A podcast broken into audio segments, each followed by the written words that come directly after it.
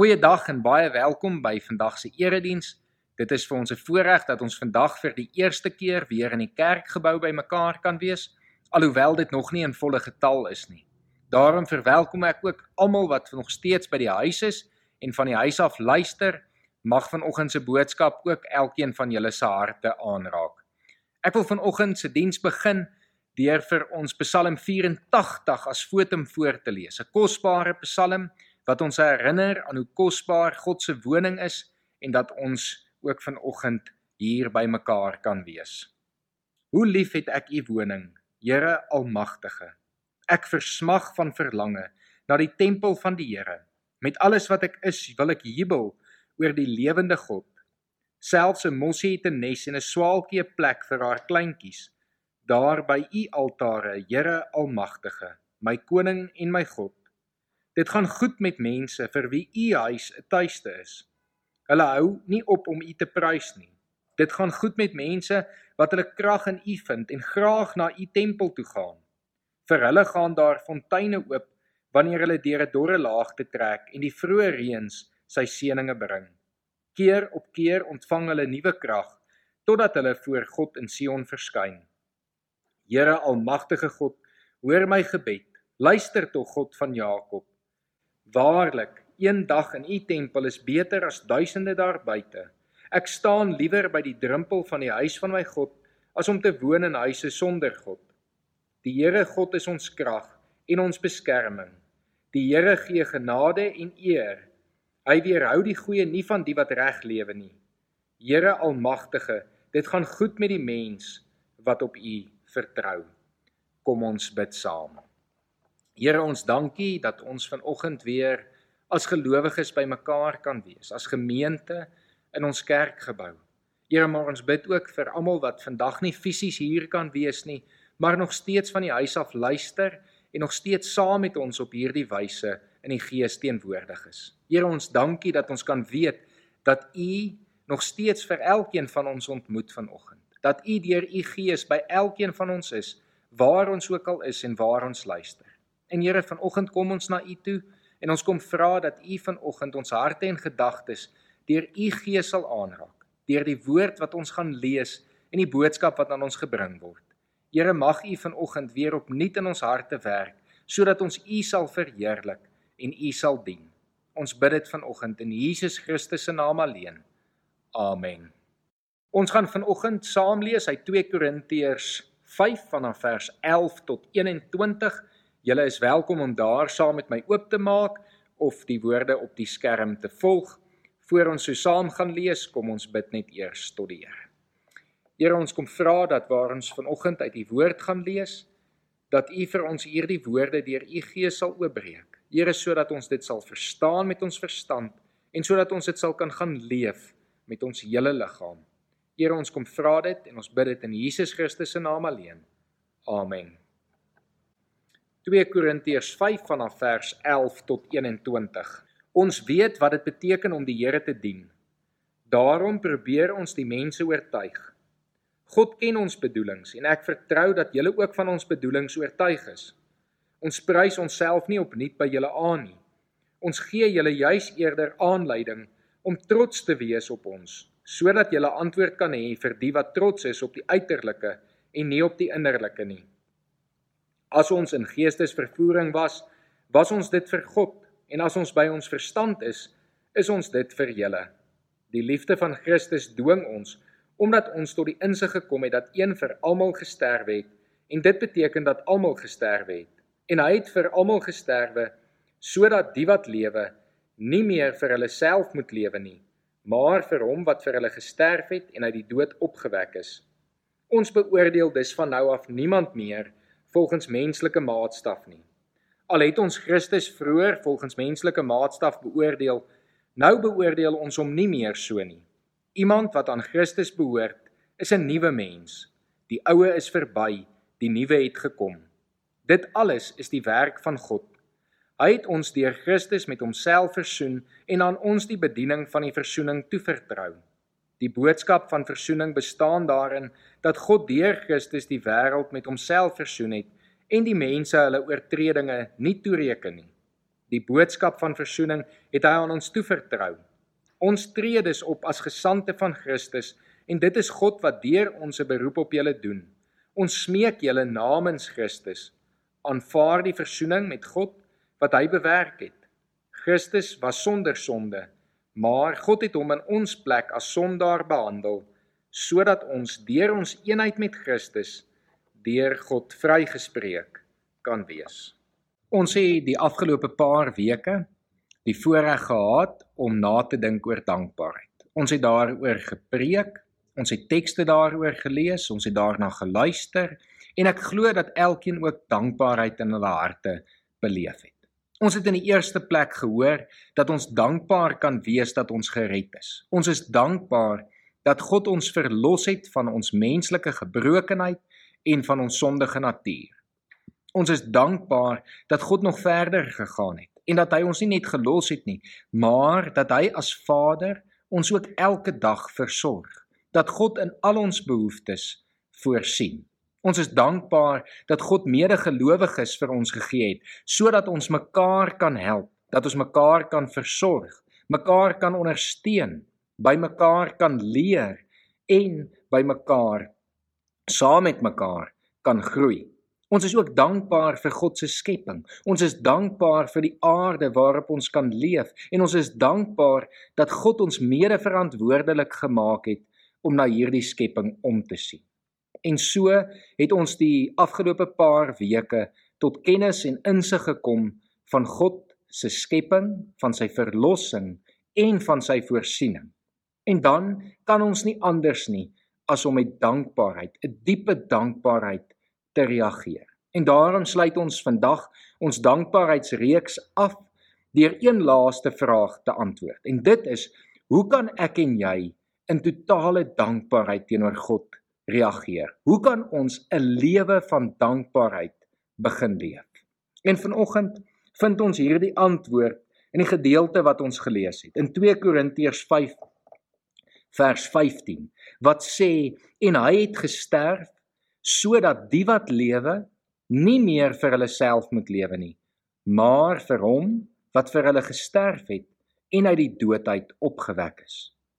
Ek en jy behoort hierdie vers uit ons kop te ken. Elke gelowige behoort elke dag hieraan herinner te word. Jy moet jouself aan hierdie vers herinner, want 'n lewe van dankbaarheid is 'n lewe wat nie meer vir jouself gelewe word nie. Dit is 'n lewe wat vir God geleef word. Dit is 'n lewe wat aan God gewy word.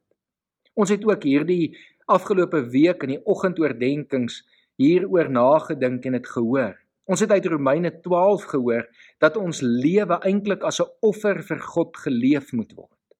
Ons het in Korintiërs gehoor dat ons hele lewe, alles wat ons doen, God moet verheerlik. En dit is 'n lewe van dankbaarheid. 'n nuwe lewe wat in God gevind word waar ons nie meer vir onsself lewe nie maar vir God waar ons nie meer aan onsself behoort nie maar aan God en ek wil jou dus vandag vra om eerlik na jou eie lewe te kyk. En vir jouself af te vra vir wie leef jy? Waarvoor leef jy? Waaraan spandeer jy meeste van jou tyd? Waaraan spandeer jy meeste van jou geld? Hoe tree jy op teenoor ander mense? Is jy met jou hele lewe diensbaar en dankbaar teenoor God vir wie hy is en vir alles wat hy vir jou gedoen het? Leef jy jou dankbaarheid uit of is dankbaarheid maar net iets wat jy teoreties bely en erken? Ja, natuurlik is dit die maklikste en dis die eerste plek waar ons begin. Om ons dankbaarheid te wys is om dit te sê, om teenoor God in gebed dankbaar te staan, om hom te loof en te prys. Maar 'n ware dankbare lewe kan nie net met woorde gesê word nie. Dit moet ook deur ons dade gewys word. Ek en jy moet dit wat ons met ons mond bely, ook met ons dade gaan leef. Ons dade moet reflekteer dat ons dankbaar is teenoor God. En daarom wil ek vandag hê jy moet hierdie vrae wat ek gevra het eerlik antwoord. Jy moet na jou eie lewe kyk en jy moet prakties gaan nadink of jy besig is om 'n dankbare lewe te lei. Vanoggend gaan ek 'n klomp punte aanraak en ek gaan nog vrae vra om jou hiermee te help. En as jy dan nie alreeds 'n dankbare lewe leef nie, wil ek jou aanmoedig om in totale dankbaarheid teenoor God te begin leef. Die belangrikste vraag wat ek en jy vanoggend vir onsself moet antwoord is hoekom? Hoekom doen ek en jy wat ons doen? Wat motiveer jou om te lewe? Aan die een kant kan dit dalk ekstreem en radikaal klink as ons sê ons hele lewe moet aan God gewy word. Alles wat ons doen moet God verheerlik. Ons kan mos maklik sê maar dit is prakties onmoontlik. Ek moet tog gaan werk, ek moet tog geld verdien, ek moet tog kos kry en ek moet selfs uh, uiteindelik slaap.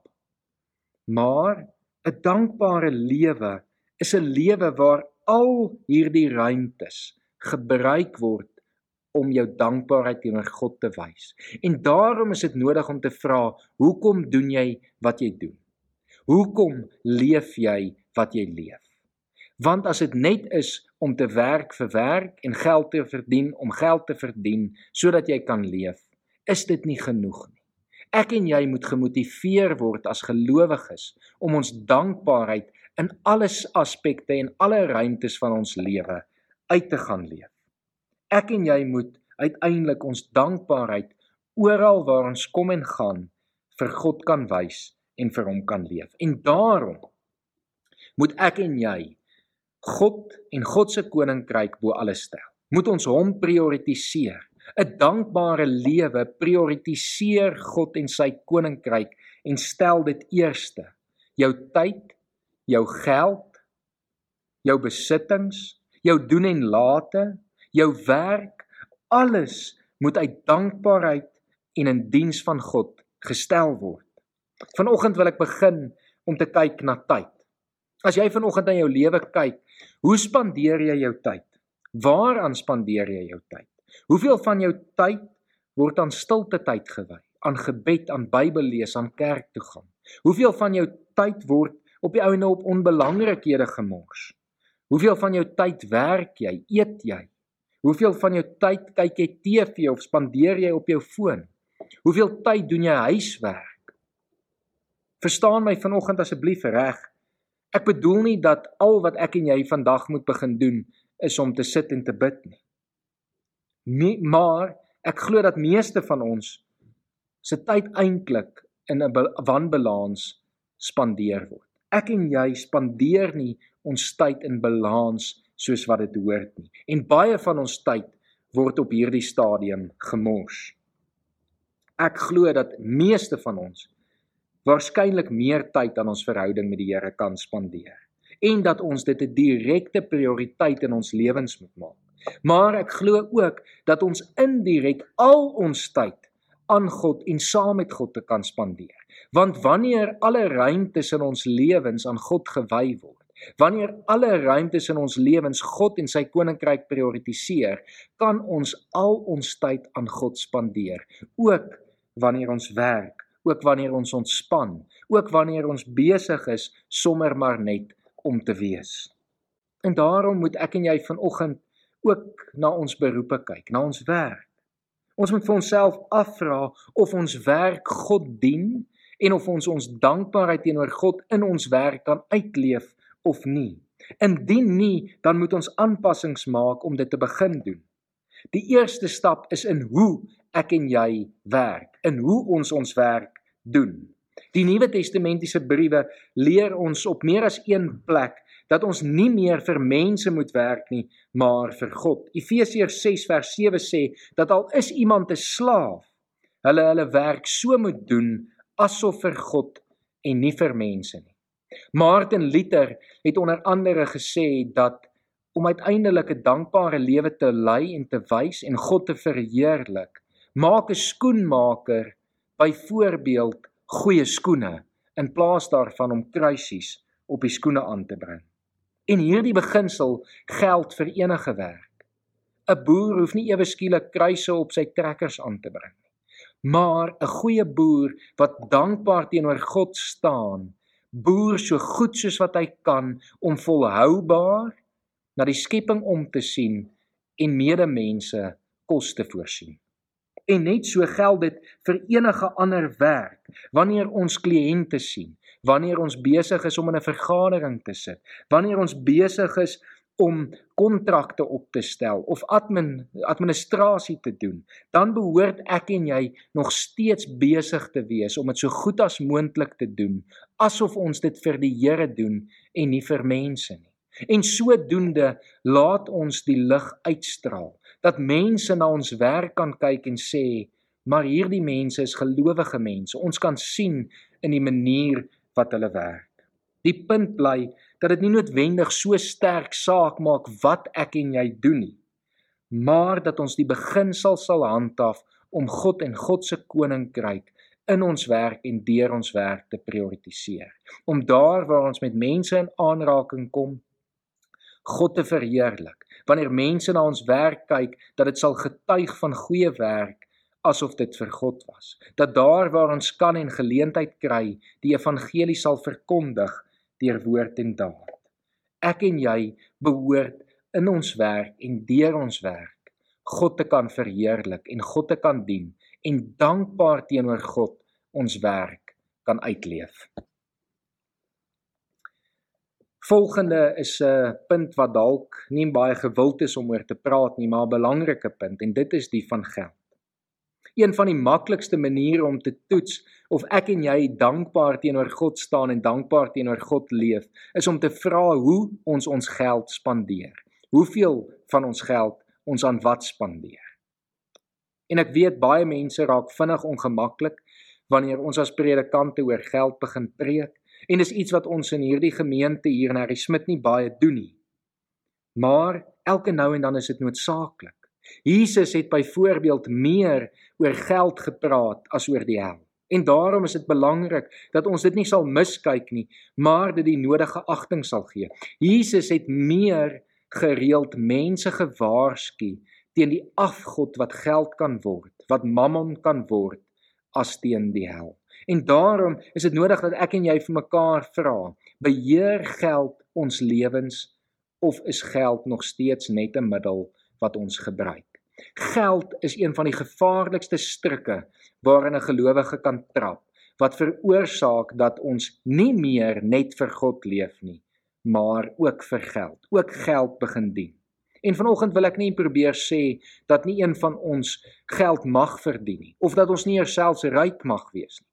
Natuurlik mag ons, maar geld kan nooit ons lewens beheer nie. En om te verseker dat geld nooit jou lewe beheer nie, is die maklikste manier om dit weg te gee. Gee geld gereeld weg. Maak 'n deel van jou finansies en en gee dit vir die Here. Stel dit in diens van God se koninkryk. Ek en jy het nodig om op die ou ende ons finansies ook onder die beheer van die Here te plaas met die wete dat in die eerste plek is dit God wat vir ons sorg en vir ons voorsien. En daarom is ons nie bang om van ons geld weg te gee nie, want ons weet ons versorging hang nie af van ons geld nie, maar van God. En daarom kan ons uit dankbaarheid ook van ons geld vir hom teruggee en vir sy koninkryk. Maak dit 'n prioriteit in jou lewe om seker te maak 'n deel van jou finansies word aan God gewy. Maak seker dat al jou finansies so spandeer word dat jy nog steeds God verheerlik en dat jy dit met goeie rentmeesterskap beoefen. Die volgende punt wat ek vanoggend wil aanraak is die van gehoorsaamheid. 'n Dankbare lewe leef gehoorsaam aan God. 'n Dankbare lewe het ons vanoggend gelees beteken dat ons vrygespreek is. Beteken dat ek en jy vrygemaak is van ons sondes, dat ons verlos is en as ons hier in 2 Korintiërs 5 lees, dan lees ons dat ons sondes, ons oortredinge nie meer toegereken word nie. Ek en jy is vrygespreek. En in Galasiërs 5 vers 13 se woorde is ons tot vryheid geroep. Met ander woorde, ons kan doen net wat ons wil. En as ek dit vanoggend sê, dan hoop ek nie dit is al wat jy hoor nie. Ek hoop nie jy gaan vanoggend weg en sê die dominee het gesê ons kan van nou af doen net wat ons wil nie. Want alhoewel ek en jy tot totale vryheid geroep is, beteken dit dat ek en jy nog steeds kies om in gehoorsaamheid aan God te leef. En daarom sê die tweede gedeelte van Galasiërs 5 vers 13 dat ons nie die vryheid moet misbruik nie, maar dat ons nog steeds God daardeur moet dien. Ek en jy moet kies om gehoorsaam aan God te leef omdat ons dankbaar is vir die feit dat hy ons vrygespreek het en vir ons ons vryheid teruggegee het. En daarom moet dit is dit nodig dat jy vanoggend vir jouself afvra: Leef jy regtig gehoorsaam aan God? Soek jy sy wil? Is jy gehoorsaam aan sy gebooie? Nog 'n baie belangrike en maklike manier om te sien of ek en jy dankbaar is teenoor wat God alles vir ons gedoen het en wie hy is, is oor hoe ons ons medemense behandel. Iemand wat regtig dankbaar is teenoor God, leef dit uit teenoor sy medemense. Ons lees hier in 2 Korintiërs 5 vers 16 dat ons van nou af niemand meer volgens menslike maatstaf beoordeel nie.